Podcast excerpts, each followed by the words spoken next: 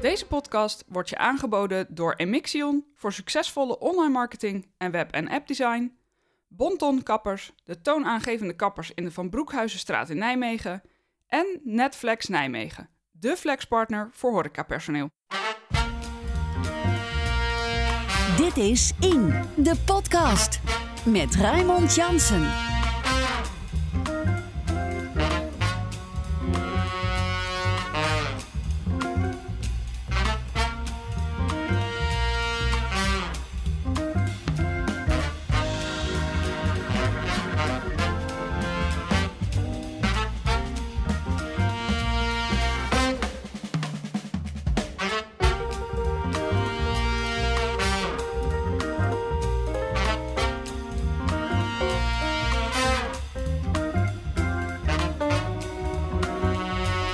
Gast van deze week is onderzoeker en buitengewoon hoogleraar aan de Maastricht University, Klaartje Peters.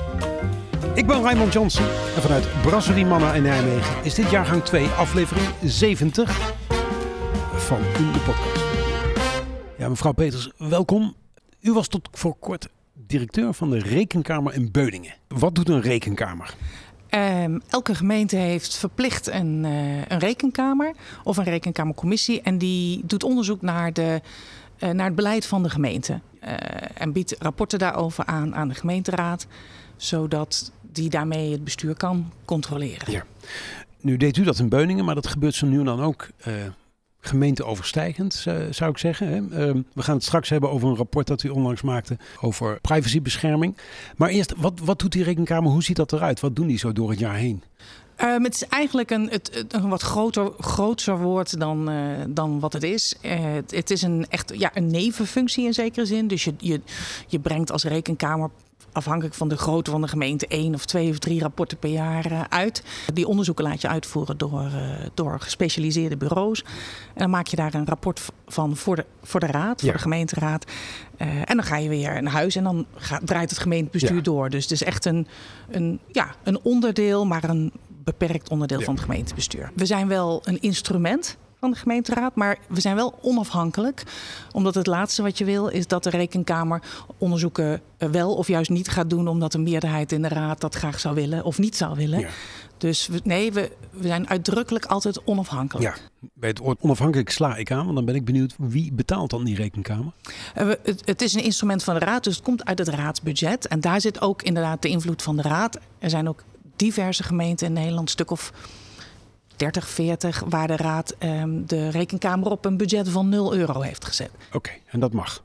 En dat mag. Ja, je moet er een hebben volgens de gemeentewet. Maar hoeveel geld je ze geeft, dat mag je zelf Ja. weten.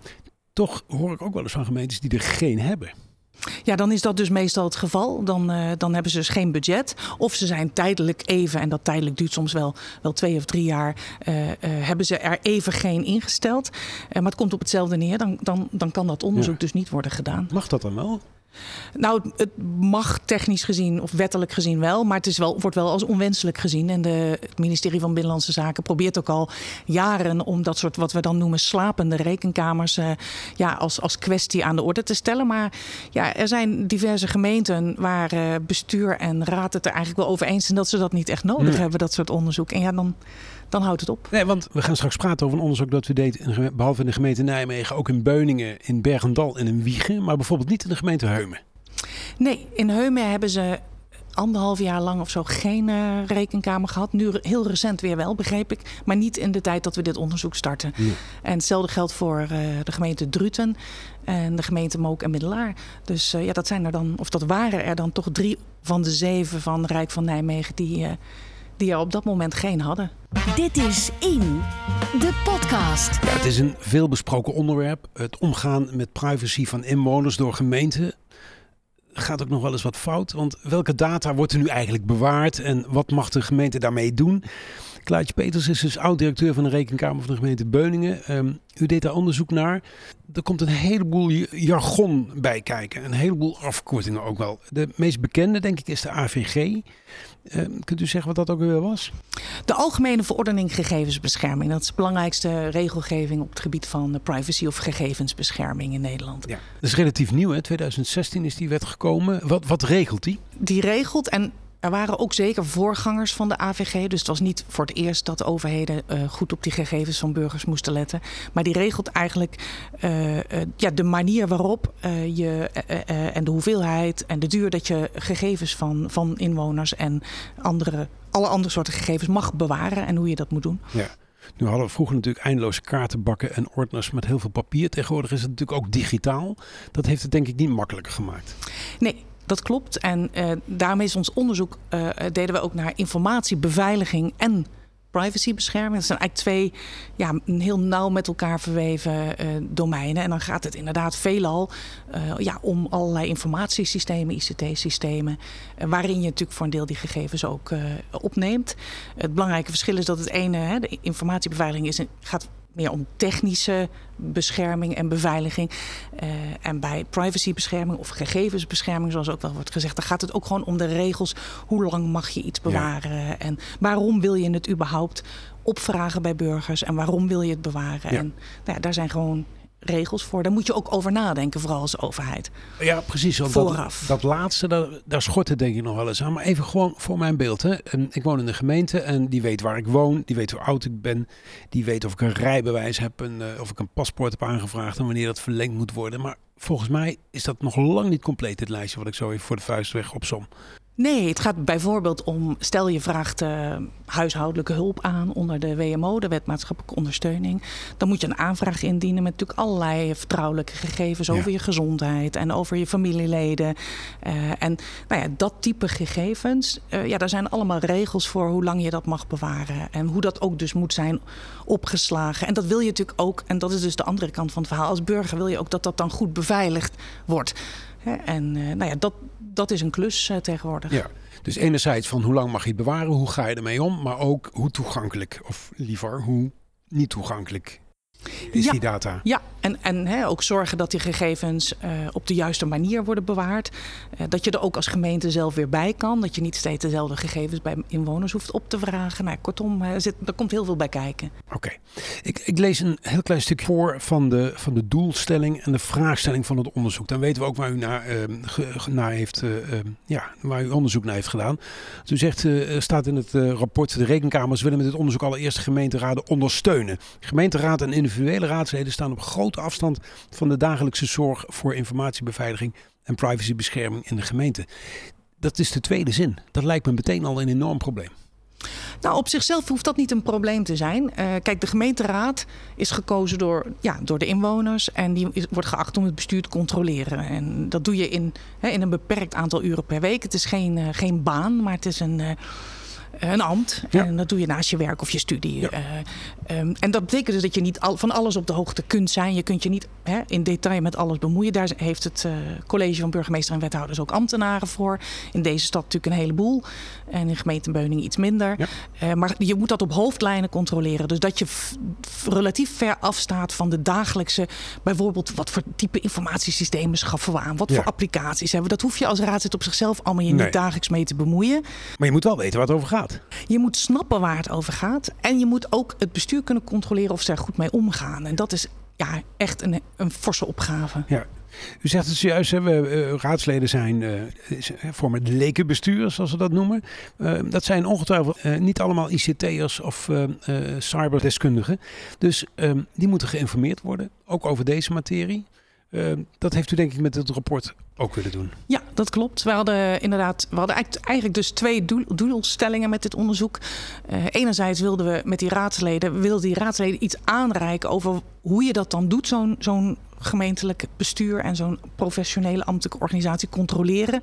He, dus wat, wat voor type vragen stel je ja. dan? En op welke momenten, wat voor rapportages zou je willen ontvangen? Dat is enerzijds. En anderzijds hebben we ook zelf echt gekeken met behulp van twee gespecialiseerde uh, onderzoeksbureaus. Eén op het gebied van informatiebeveiliging, de andere privacybescherming. Hebben we ook echt even die organisatie doorgelicht van hoe, hoe staat het ervoor? Met, met als doel inderdaad om die, die gegevens gewoon ja, eigenlijk te overhandigen aan de raad en te zeggen, maak er gebruik van bij het controleren van, uh, van het college. Ja.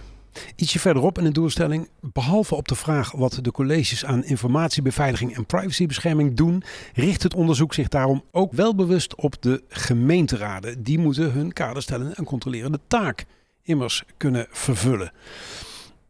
handreikingen dus? Is het een praktisch rapport geworden? Ja, ik denk, ik denk het wel. We hebben wel. Um, het, is een, uh, het gaat over de volle breedte van het gemeentelijk beleid. Dus we in die zin gaan we niet helemaal de details in. Nee. Maar we hebben het wel steeds geprobeerd voor hen concreet te maken. En ook in de aanbevelingen ook uh, te laten zien hoe je dat dan stapsgewijs doet. Hè? Dat je, je hoeft niet uh, elke week uh, het college van burgemeester en wethouders drie uur lang te ondervragen over allerlei details. Nee. Je kunt dus beginnen met bepaalde type wettelijke rapportages. Om die gewoon elk half jaar op te eisen. Want niet ja. elke gemeenteraad krijgt ze van zijn college automatisch toegezonden. En ze dan ook te agenderen als raad.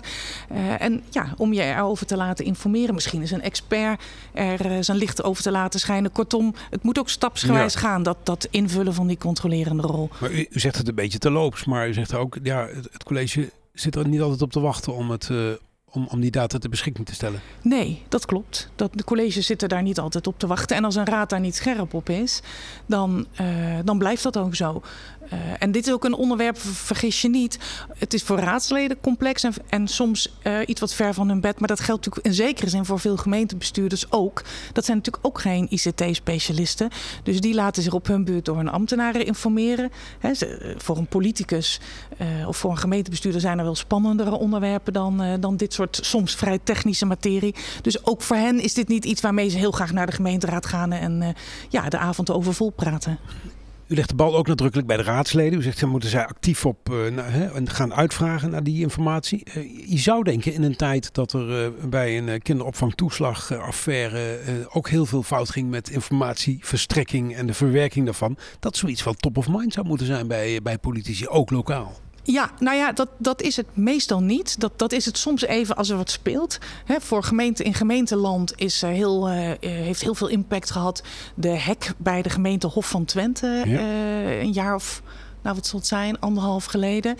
Uh, dat was echt een enorme, uh, enorme hek met een ja. enorme impact. Dat heeft tot tot, nou, geloof vorige maand geduurd. De reparatie uh, daarvan heeft miljoenen gekost. Heeft ook maandenlang allerlei dienstverlening aan inwoners stilgelegen. En dat heeft wel impact gehad. Dus dan zie je dat overal in het land gemeenteraden en raadsleden daar vragen over stellen. Maar in het algemeen is het natuurlijk geen onderwerp waarvoor je... Hè, je gaat als raadslid in de politiek omdat je iets wilt uh, doen voor, voor, voor je inwoners of je achterban. En dat ja. ligt natuurlijk meestal op een ander vlak dan zorgen dat de informatiebeveiligingssystemen ja. goed werken. Het hoort er wel bij. Ja, en dat heb ik eigenlijk, of dat hebben we eigenlijk tegen ze gezegd bij de presentatie van het rapport. Uh, we begrijpen dat het ingewikkeld is. Dat vonden wij zelf als rekenkamers uh, ook. Uh, maar jullie moeten, hè, jullie zijn gekozen als volksvertegenwoordigers. Jullie moeten dat bestuur controleren. En jullie moeten doorvragen. en als die rapportages niet komen, zorgen dat ze wel komen. dat, dat, ja, dat ben je je inwoners verplicht. Nou ja, en niet alleen je inwoners. Je bent natuurlijk ook gewoon als gemeenteraad het hoogste bestuursorgaan. Dus je zult wel moeten, want anders... Nou ja, anders, je kunt natuurlijk op de vingers worden getikt door uh, bijvoorbeeld de autoriteit persoonsgegevens. Hè. Dan kan je ook forse boetes krijgen tegenwoordig okay. als je je zaken niet op orde hebt. Maar inderdaad, als zo'n hek plaatsvindt. En kijk, het goed op orde hebben van een systeem is geen 100% garantie, maar vermindert wel die kans. Ja, dat zijn, dat, ja, dat, dat, dat, wil, je niet, dat wil je niet hebben. De, de, de gemeentelijke controller van, uh, van de gemeentehof van Twente maakt al, al anderhalf jaar wat hij zo, noemt een soort tournee door, uh, door gemeenteland. Om overal ja, eigenlijk uit een soort van verantwoord, uh, verantwoordelijkheidsgevoel um, te gaan uitleggen. Overal in andere gemeenten hoeveel dat heeft gekost. Hoe, hoe, hoe het ze heeft kunnen overkomen. Wat ze hadden kunnen doen achteraf gezien. Hoe ze nu dingen aan het repareren zijn geweest in de beveiliging. Uh, omdat het echt heel onwenselijk is ja. als dat gebeurt ik kan me voorstellen dat u ook liever een wat strengere toon had uh, opgestoken tegen die raadsleden. Ja, zo van jongens, kom eens in actie. Waarom weet je niet waar je mee bezig bent? Nou, ik moet zeggen dat ik ben al heel lang uh, in deze rol als rekenkamerdirecteur en ook voorzitter elders uh, actief. En ik, ik, ben altijd, ik sta altijd wel aan de kant van raadsleden. Het zijn, hè, u zei het zelf net al, leken. dus ze worden geacht dat ja, in hun avonduren, zeg ik maar even, erbij te doen. en um, je, je, er is maar, je kunt niet alles van ze vragen. En de belangrijkste verantwoordelijkheid hebben we ook zo in het systeem belegd, ligt bij het gemeentebestuur, bij het college van burgemeester en wethouders. Die, net als hetzelfde geldt met de regering en het parlement. De regering is verplicht om uh, uh, het parlement, zo is het college verplicht, de raad te informeren over alles wat voor zijn uh, werk nodig is. Dus actief te bedenken wat heeft deze uh, gemeenteraad nodig om ons goed te kunnen controleren. En dat, dat, dat is een zware verantwoordelijkheid die de meeste bestuurders niet 100% waarmaken. Dat is ook deel allemaal van het spel. Uh, maar daar ligt de grootste verantwoordelijkheid. En raadsleden op hun beurt moeten daar dus scherp op zijn, zich van die verplichting ja, uh, uh, bewust te zijn en dus door te vragen en zich niet te laten afschepen. Dat is de verhouding. Dus als ik wijs, dan is het naar, eerder naar het bestuur dan naar de raad. Moet het niet ergens anders belegd, op een hoger niveau? Bij meer professionals, bij betere bestuurders? Provinciaal, misschien wel landelijk? Nou, uiteindelijk waar we natuurlijk bij de organisatie van het lokaal bestuur van gemeenten um, uh, voor hebben gekozen, is dat is democratie. Ja. En de inwoners van Nijmegen kiezen hun gemeenteraad. Het idee is, en dat, dat werkt in het algemeen natuurlijk ook best aardig, dat die gemeenteraadsleden zich dus ook verantwoordelijk voelen, verplicht voelen om te doen wat voor die inwoners goed is. Ja. En de gedachte is dat daar de meeste controle zit. En, als je, uh, en ook de meest uiteindelijk effectieve controle. Als je het aan specialisten overlaat, die gaan natuurlijk dan in gesprek met specialisten in de ambtelijke organisatie. En dan wordt het specialisten onder elkaar, experts onder elkaar. Dan ontstaat er misschien bijvoorbeeld ook iets wat te veel begrip voor uh, de, de praktische en budgetproblemen en de personeelsproblemen die uh, daar spelen. Uiteindelijk niet meer kritisch genoeg. Exact. En daar heb je dan toch uiteindelijk volksvertegenwoordigers nodig. Hè? Dat klinkt iets wat romantisch, maar dat is wel hoe we het hebben georganiseerd. Die daar dan naar kijken met iets wat afstand en zeggen: ja, dat is allemaal prima. Dat is allemaal mooi en aardig. Budgetproblemen, personeelsproblemen, tijdsproblemen. Maar het zijn de gegevens van onze inwoners. Die heeft u, daar heeft u een zorg voor. Hoe zit het daar eigenlijk mee? Terugbladeren. Net als elke week bladert ook nu Rob Jaspers terug door oude kranten op zoek naar nieuws dat immer actueel is. Rob, deze week? Nou, deze week, eigenlijk deze zomerperiode was dat. Uh, ik had gezien dat de burgemeester van uh, Kiev, die had aan steden in Europa gevraagd van God, zouden jullie kinderen kunnen opnemen voor vakantiekampen Oh ja. om even uh, uit die wereld van uh, oorlog te komen. En in uh, Nijmegen reageerde daar het D66-raadslid op Sinhaven, die vroeg aan de gemeente Nijmegen, zouden wij wat kunnen betekenen? Ja. Inmiddels heeft de gemeente Nijmegen laten weten dat ja, dat is toch iets voor Bindkracht 10 en ze, ze zullen be best dat stimuleren, maar niet direct een actie voor de gemeente. Maar Nee. voor mij was dat aanleiding eigenlijk die, die vraag, en ik had het wel eens eerder gedaan, maar nu was ik toch iets verder gegaan van hoe is Nijmegen en omgeving eigenlijk geholpen na de oorlog in 44, 45? Oké. En ja, ik was toch verrast, heel blij, positief verrast door berichten. Bijvoorbeeld al in, in januari 45 gingen een paar honderd kinderen uit Nijmegen, die werden opgevangen in Engeland. Huh? Die konden naar Engeland toe gaan. Burgemeester Hustings was daarbij betrokken. Niet alleen overigens kinderen uit Nijmegen, ook andere steden. Maar die kinderen uit Nijmegen gingen als eerste. En daar hebben een Ja. paar honderd kinderen hebben maanden in Engeland kunnen zitten om gewoon bij te komen van de oorlog. Al in januari Ja. 45. En ik vond dat top. Tegelijk zag ik dat eh, bijvoorbeeld eh, het Zwitserse Freiburg, die bood al in 45 aan Nijmeegse studenten aan. Jullie kunnen bij ons komen studeren. eh, jullie kunnen bij ons inhalen. En dat zijn toch van ver weg ondersteuningen. Daar kwam ook uit Frankrijk kwam financiële steun.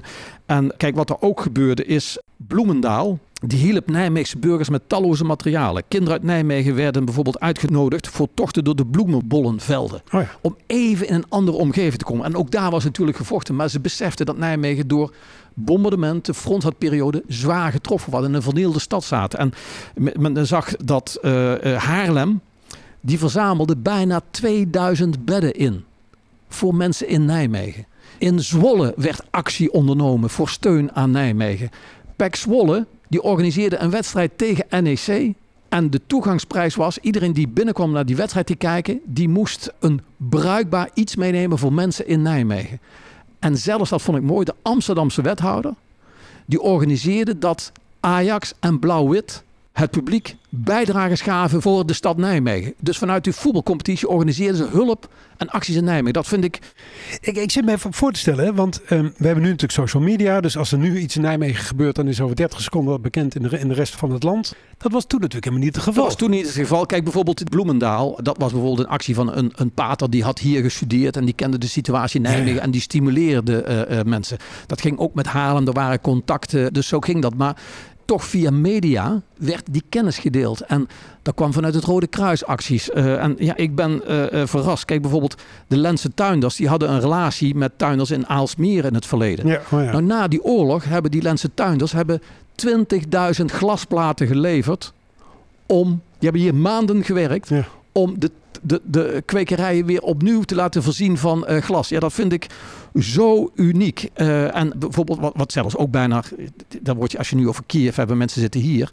De mensen in de Betuwe, die moesten allemaal vertrekken. Mensen uit Lent moesten ook vertrekken. Mensen uit Lent, die hebben ongeveer, ik geloof van oktober 44 tot augustus 45, heel veel mensen hebben in het Belgische Gerardsbergen gezeten. Alleen de mannen mochten achterblijven. En dat is zo uniek. Uh, in Gerardsbergen vind je daar ook herinneringen aan. Dus ik, ik denk van God, als soms wel eens mensen mopperen over hulp aan vluchtelingen, hulp aan de Oekraïne. Jongens, blader even terug hoe wij geholpen zijn in een, de meest lastige tijd. En dan even terug naar het verzoek van Marijke Sinhaven van D66. Zij deed een vergelijkbaar verzoek. Zij zei eigenlijk toen die Kiev uh, had opgeroepen voor zorg voor uh, zomerkampen of voor vakantiekampen voor de kinderen, kunnen wij een rol spelen. Zij vond Nijmegen moet op dat trein ook iets doen. De gemeente heeft dus nu laten weten, wij leggen dat neer bij Bindkracht, die overigens al iets doen voor Oekraïners die hier in Nijmegen zitten. Uh, maar ik kan me er iets bij voorstellen. En vooral die koppeling. Even nadenken. Januari 45. Hè? Een paar honderd kinderen vanuit Nijmegen die naar Engeland gaan. Om daar op adem te komen. Ja, ik kan me de reis al niet voorstellen. Uh, ook bijvoorbeeld als Aalsmeer, die ook oorlog gehad hebben. Als die in zo'n situatie, waar ze ook een paar zaten, geld geven. Zwolle, die, die kerstpakketten bezorgde. Ik geloof 5000 kerstpakketten voor Nijmegenaren brachten. ja, dat, dat, dat... Zeg jij eigenlijk, het mag gewoon een schepje meer zijn? Ik denk uiteindelijk het mag een schepje meer zijn. En als je de hulp ziet die Nijmegen kreeg in 44, 45, dan was het eigenlijk hulp van mensen die zelf ook enorm klem gezeten hadden. Maar die zeiden van, ik zit er toch net iets beter voor dan die mensen in Nijmegen. Nou, dat beeld, moet je nu hebben als je het over vluchtelingen hebt, als je het over de Oekraïne hebt. Dit is In, de podcast. Mijn gast van deze week is Klaartje Peters, onderzoeker en buitengewoon hoogleraar aan de Maastricht University, mag ik zeggen. Ja, we hebben het nu gehad over het, over het kader. Hè. We hebben gehad over uh, waar raadsleden op moeten letten, waar ze waakzamer moeten zijn. Um, ik ben wel benieuwd naar wat bevindingen. Um, u doet wat aanbevelingen, maar eerst maar eens een algemeen plaatje. Hoe staat, hoe staat het ervoor in Nijmegen? Het staat er niet uh, goed genoeg voor. Uh, dat geldt voor alle vier de gemeenten waar we onderzoek hebben gedaan. Ja. Uh, en eigenlijk geldt dat voor bijna alle Nederlandse gemeenten. Um, je hebt een schaal van 1 tot 5. In, op dit soort vakgebieden heet dat volwassenheidsniveaus. Oh ja. uh, 5 is perfect, 3 is voldoende. En uh, geen van onze vier gemeenten, en dat geldt, ook dat geldt voor de meeste Nederlandse gemeenten, haalt 3. Nee. Nijmegen doet het een slagje beter dan die andere drie gemeenten die iets kleiner zijn. Dat verbaast ook niet nee. de meeste mensen niet. Maar het is niet goed genoeg. U zorgt wel erg zorgvuldig naar uw woorden. Niet goed genoeg, met een zekere twijfel. Uh, waar zit het dan in? Nee, het is, ik denk het is niet zozeer twijfel. Het is altijd zorgvuldigheid. Kijk, rekenkamers zijn uh, ingesteld om het uh, bestuur te uh, onderzoeken en te beoordelen. Ja. Dat, dat voelt als een zware verantwoordelijkheid. Want ja, die, uh, die bestuurders en die ambtenaren die doen hun best. En zijn in het algemeen uh, goede professionele mensen. Dus het is, nogal, het is nogal een verantwoordelijkheid om daar oordelen over uit te spreken. Dus dan moet je altijd goed onderbouwd doen. Dus daarom zijn rekenkamerrapporten ook altijd iets wat taaie materie. Dat is, dat is nou eenmaal zo. Want je, je gaat dat niet zo even uit de losse pols met wat uh, grote pennenstreken doen.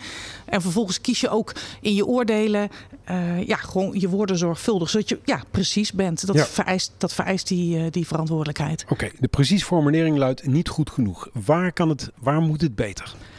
Um, eigenlijk over de volle breedte. Um, wat je wat je ziet op deze beleidsterreinen, en dat geldt misschien in zekere zin voor alle overheidsbeleid, is dat je dat um, cyclisch moet doen, zoals dat heet. Hè? Dat in het jargon, in het managementjargon heet dat plan, do, check, act. Uh, ik dacht altijd vroeger dat dat een of andere soort uh, managementjargon uh, was. Maar als ik, toen ik er voor de, in het kader van dit onderzoek nog eens goed naar keek, begon ik mij te realiseren dat het geen kwaad kan. Hè? Plan. Dus, dus denk na, neem, neem je voor precies wat je gaat doen voer het dan ook uit. Duw, check, controleer ook en, en monitor en rapporteer of het eh, goed gaat. En daar waar het niet goed gaat, moet je acteren, act, eh, om het bij te stellen. Dus en die cyclus, eh, ja, daar, daar zie je eigenlijk in op alle stappen zie je dat, het, Ja. dat er dingen ontbreken. Kunt u die stappen eens definiëren? Nou ja, het begint eigenlijk al bij het, bij het maken van het beleid. Eh, waarin je dus zegt, nou, we willen de komende vier jaar willen wij eh, eh, in, op het gebied van informatiebeveiliging die en die stappen zetten. Daar is zoveel maatregelen en geld voor nodig. Dat gaan we zo en zo in de tijd zetten. En dan zie je dat geen van die vier gemeenten van ons dat eigenlijk gedetailleerd genoeg doet. Dus er zit wel iets in van we willen, we willen het beter maken, staat, staat dan meestal in die beleidsplannen. Maar er staat niet, nou, dat gaat zoveel geld kosten en zoveel tijd kosten. Dat wordt gewoon niet precies genoeg Dus het plan is niet concreet genoeg en het is niet begroot. Nee, precies. Het is, het is inderdaad niet, ja, niet eh, precies genoeg uitgewerkt. En dat, dat wreekt zich dus, omdat juist op dit soort terreinen, eh, dat, dat heb ik ook, hebben wij ook moeten leren als rekenkamers, eh, moet er heel veel vastgelegd worden. Dus je ziet ook dat die gemeentebesturen in reactie op het rapport zeggen, ja, veel dingen zijn misschien niet in het beleid vastgesteld, vastgelegd. Maar we doen het in de praktijk wel. Maar dat is nou juist hier niet goed genoeg. Omdat je heel veel protocollen nodig hebt. Hè. Eh, iedereen weet eh, dat je bijvoorbeeld je wachtwoord eh, om de twee maanden of zo moet vervangen. Ja. Nou, dat, daar is wachtwoordenbeleid voor nodig. En dat betekent dat je dat vastgelegd moet hebben. Er is ook een wettelijke verplichting. Hè, of het is in ieder geval een verplichting die de overheden met elkaar hebben Ja. afgesproken. Een van de 60 dingen die je moet hebben onder de bio. Ehm, en dat moet dus allemaal op papier staan. En als je dat niet hebt, ja, dan, dan, dan kan daar dus ook onduidelijkheid over ontstaan. En dat is. Daar moet je je er ook nog aan houden. Ik kan me herinneren dat er enige minister ook nog wel wat moeite mee had. Ja, en dat is natuurlijk ook zo. Mensen zijn mensen, ook in gemeenteland. Dus dat zijn dan de volgende stappen. Maar het begint allemaal met het goed op papier vastleggen. En het ook begroten en uitwerken. En daar, dat, dat kan al een slag beter. Oké, volgende stap.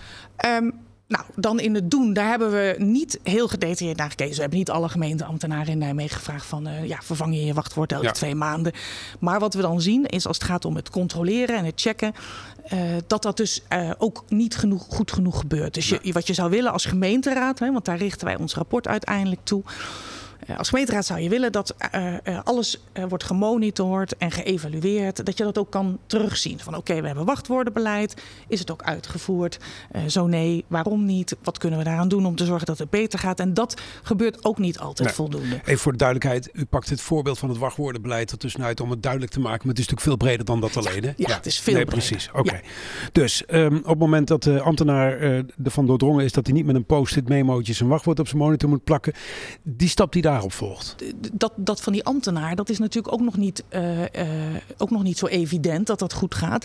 Dus elke gemeente moet ook bewustwordingsbeleid hebben. Eh, en dat, dat herkent iedereen die eh, ja, in een grotere organisatie werkt ook. Dan krijg je van die, van die eh, berichten via intranet of wat dan ook, of brochures op je bureau.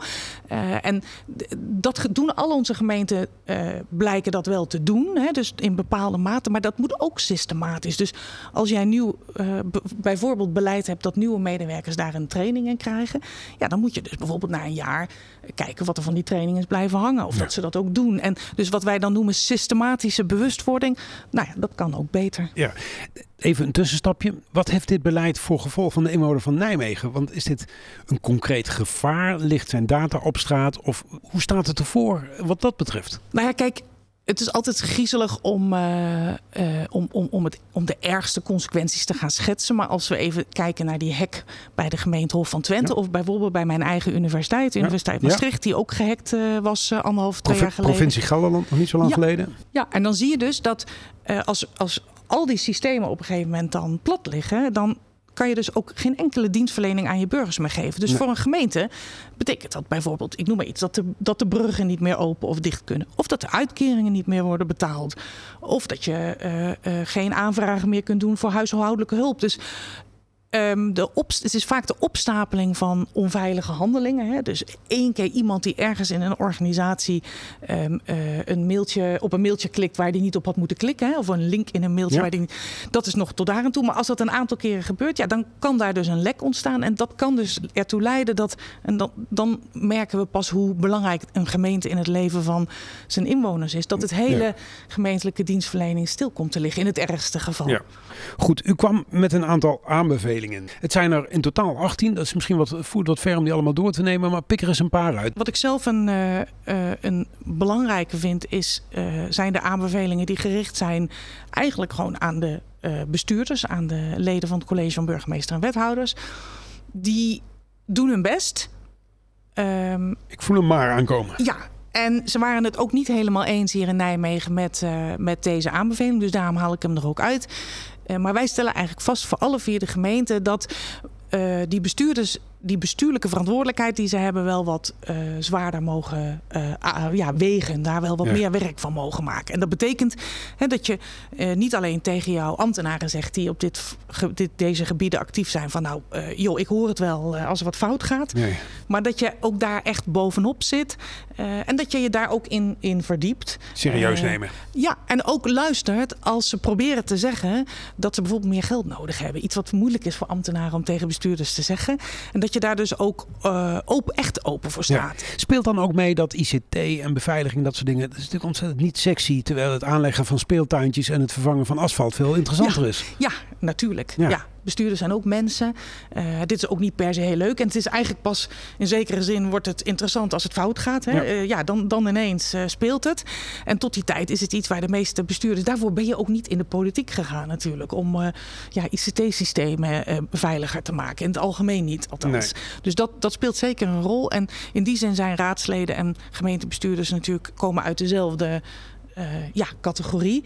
Ja. en die ambtenaren in het algemeen. Dat zijn uh, ja, een soort, uh, ik, ik, zie het soms een beetje als een soort eenzame ja, ridders daar in die ambtelijke organisatie. Die, die functionaris uh, gegevensbescherming en die, en die CISO, die gaat over de informatiebeveiliging. Dat zijn mensen die met vaak een wat technischere of juridische achtergrond hebben. En die dan, ja, als je niet uitkijkt, een soort roependen in de woestijn worden. Ja. Totdat het fout gaat. En dan zegt iedereen, ja, dat had je toch wel eerder kunnen zeggen. Luisterend naar uw woorden, kijk ik nog even naar die aanbevelingen. Een aantal heeft u al eigenlijk al benoemd. Hè? Verhelder het beleid. Nou, dat zegt u eigenlijk al. Hè? Het moet helder, het moet duidelijk zijn. Uh, maak het, het risicoman risicomanagement tot een continu proces. Hè? Dus niet alleen controleren als het fout gaat. Ja, ja en ook, ik denk zelf, uh, wij hebben met dit onderzoek, we hebben behoorlijk veel werk aangehad. Maar we zijn in zekere zin uh, aan de oppervlakte gebleven. Uh, we hebben in vier gemeenten tegelijk gekeken. Dus uh, ja, wij kunnen ook maar een beperkte. we hebben ook maar beperkte ja. capaciteit. Dus wij zeggen eigenlijk tegen elk van die vier gemeenten: voordat je nu dat beleid echt serieus gaat, uh, verder gaat invullen. Ga nou, maak nou eerst eens een goede, degelijke risicoanalyse. Gewoon nu meteen door een, door een uh, expert, door een goed geoutilleerd bureau. Ja. zodat je op grond daarvan kunt zien waar je staat. Hè? Want ja, iedere gemeente en iedere organisatie in Nederland heeft werk aan de winkel op dit vlak, ook blijvend.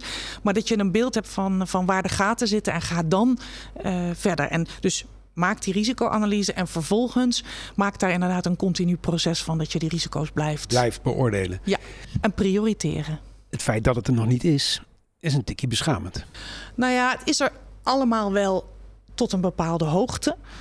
En um, het is ook begrijpelijk voor ons. Dat is altijd voor rekenkamers ingewikkeld. We begrijpen enerzijds hoe het werkt. Ja. Uh, we begrijpen ook argumenten als in ja, maar het is zoveel en we hebben het zwaar als gemeente. We hebben zo weinig geld. We worden zo door de Rijksoverheid uh, overstelpt. Uh, dat begrijpen wij allemaal, want we kennen het lokaal bestuur en ons hart zit er ook.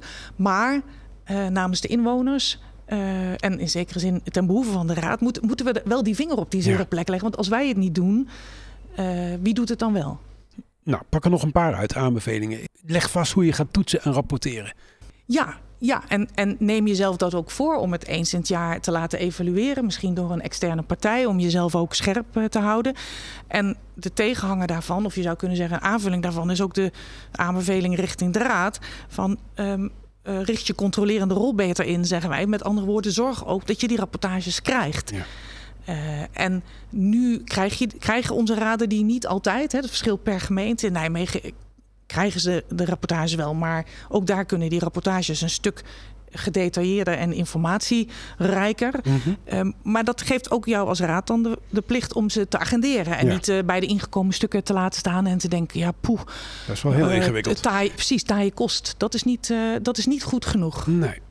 We ronden af. Samenvattend, u zegt het moet beter. het moet beter vanuit het college om het beleid serieuzer te nemen. Het moet beter vanuit de raad om het beleid te controleren. Moet daar nog iets bij? Nee, je zou in een ideale wereld zeggen dat wij als inwoners ook onze raad en raadsleden daar natuurlijk scherp op moeten houden. Dus daar ook gewoon naar moeten vragen. Zodat zij zich ook realiseren dat het bij hun werk hoort, ja. raadsleden. Uh, en ik, nogmaals, ik begrijp het heel goed als raadsleden tegen mij zeggen uh, dat zij dit ook moeilijk vinden. En dat ze ook wel eens graag over andere dingen willen hebben. In een, maar het, het, het, het, hoort erbij. En wij kunnen daar als inwoners natuurlijk ook een rol in spelen. Ja. Want dat is hoe het, ja, hoe, het, uh, hoe het systeem in elkaar zit natuurlijk. Nu heeft u het rapport vorige week gepresenteerd aan een uh, afvaardiging van raadsleden uit alle betrokken gemeenten. Had u de indruk dat, ze, dat ze zich rot schrokken? Of hoe was hun reactie? Ja, ik, dat die, ja, of ze zich rotschokken. Ik, ik, ik, zag, en dat werd ook door een aantal van hen verwoord. Ja, hier zijn we eigenlijk heel erg van geschrokken. En ze zeiden ook, ja, ergens wisten we het wel. En ook, eh, poeh, ja, daar moeten, wij, daar moeten wij dus wat mee. En, maar dat gaan, we, dat gaan ze en we nu natuurlijk nu ook stap voor stap uh, uh, organiseren. Dus ze gaan dat rapport behandelen en de aanbevelingen uh, vaststellen, hopen wij, overnemen. En vervolgens tegen de colleges zeggen, nou, ga dit uitvoeren. We zien u graag over een half jaar weer terug. Dus wij hopen eigenlijk bij te dragen aan het soort in gang zetten van, uh, ja, van een proces. En dat, dat zal de komende jaren ongetwijfeld aandacht blijven vergen. Uh, maar goed, dat is, dat is onze taak. Uh, en dat hebben we hiermee afgeleverd, hopen wij. Ja, en dan nog iets nieuws. Met ingang van deze week hoort u elke twee weken de column van Kiki Koolman. Zij is programmamaker bij InScience en docent politicologie aan de Radboud Universiteit al hier. Dit is haar eerste bijdrage. Dit is In, de podcast. Hoi, ik ben Kiki. Ik ben gevraagd om een tweewekelijkse column te maken, een reactie op wat er speelt in Nijmegen en op wat wordt besproken in In, de podcast. Ik had toen nog niet bedacht dat het eerste thema op de agenda al meteen persoonlijk aan zou voelen. Wat het Nijmeegse politieke jaar opent met onder andere inflatie, alsmaar stijgende energierekeningen en ten gevolge mensen die de eindjes niet meer aan elkaar kunnen knopen. En ik moest denken aan eerder deze week, toen ik even klaar was met de wereld. Boos op een regering die vluchtelingen buiten laat slapen, verdrietig over klimaatverandering, racisme, armoede. En ik kreeg ongelofelijke zin om een potje te janken onder de douche. Maar de tranen rolden nog niet over mijn wangen of ik moest de kraan er weer dichtdraaien. Want mijn verdriet om de wereld paste niet in die 2,5 minuut die ik van mezelf nog mag douchen. Nu is een korte douche verre van een groot probleem. Goed nieuws voor het klimaat ook nog. Maar we moeten de onderliggende angst vooral niet romantiseren. De angst voor stijgende rekeningen, voor een lege rekening, om nog meer te moeten werken terwijl je week eigenlijk al vol is. In Nijmegen ontbreekt het aan recente cijfers over armoede, maar niet aan voorbeelden. Ik zie het in mijn eigen omgeving. Mensen die bang zijn een nieuwe woonplek te moeten zoeken, die alvast koud zijn gaan douchen, die met huisgenoten vergaderen over hoe ze nog meer stroom kunnen besparen. En dan hebben zij nog niet eens kinderen, een groot appartement of een hypotheek. In Nijmegen moeten 17.700 huishoudens rondkomen van een laag inkomen, volgens die niet recente cijfers dan. Hoe hoger de prijzen, hoe moeilijker dit wordt. Tijdens de politieke avond afgelopen woensdag zei wethouder armoede John Brom. Met een hoop dingen zijn we bezig en ik denk dat we nog wat meer moeten doen. Top dat hij het probleem herkent. Ook fijn dat we een wethouder op deze portefeuille hebben die armoede zelf van dichtbij heeft gekend. Nu tijd voor nog meer actie. Ik denk bijvoorbeeld aan studenten. Voor de duidelijkheid, ik ben er zelf geen, Studenten komen volgens het nationaal beleid niet in aanmerking voor de energietoeslag. Maar ze zitten wel met dezelfde hoge kosten. Al helemaal als je bedenkt dat de studenten vaak in oude, slecht geïsoleerde panden wonen. Nijmeegse student Mark Mulder vond dit onzin en de rechter gaf hem deze zomer gelijk. Studenten mogen niet zomaar worden uitgesloten van de regeling, al dus de rechtbank. Maar wie nu naar de website van de gemeente Nijmegen gaat om een energietoeslag aan te vragen, wordt nog steeds uit het formulier gegooid zodra die aangeeft te studeren. Want energietoeslag is landelijk beleid. En terwijl Nijmegen samen met andere studentensteden lobbyt bij het Rijk voor een energietoeslag voor studenten, is het probleem nog niet opgelost. In Leiden besloten ze inmiddels niet langer te wachten. Daar kunnen studenten voor wie de energienota onbetaalbaar wordt, nu een vergoeding krijgen uit de bijzondere bijstand. Den Haag overweegt inmiddels hetzelfde. Nijmegen verzoekt studenten vooral om niet nogmaals een aanvraag in te dienen. In de podcast afgelopen donderdag sprak Rob Jaspers ook over protesteren. Hij noemde protesten om natuurgebieden, tegen windmolens, voor windmolens, tegen bouwen op het stadseiland. Maar de Nijmeegse protestgeschiedenis gaat natuurlijk ook juist over armoede. Over krakers die strijden voor betaalbare woningen. Met vorig jaar nog weer eindelijk een woonprotest. En deze week nog een protest voor menswaardige vluchtelingenopvang, want ook dat is armoede op het moment. Ik vraag me af hoe lang nog voordat Nijmegenaren en de rest van Nederland weer massaal de straat op gaan tegen armoede, tegen oplopende prijzen, tegen energierekeningen die zo hoog zijn dat mensen in de kou zitten, tegen een toenemend aantal mensen dat zich gedwongen voelt te kiezen tussen eten en warmte, tegen het feit dat er nu al mensen op straat moeten slapen.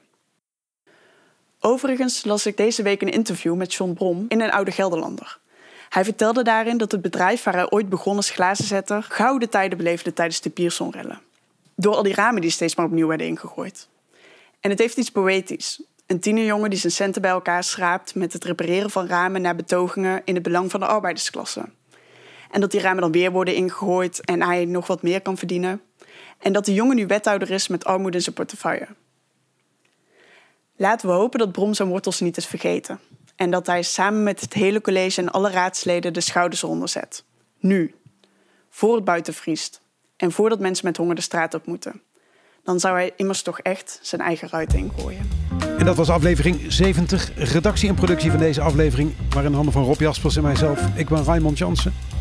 Montage en audio-nabewerking Thijs Jacobs. heb je nog vragen aan ons? Of heb je een suggestie voor een gast? Mail dan naar redactie.inepodcast.nl Volgende week, dan zit Rob Jaspers hier weer. Dit is In, de podcast.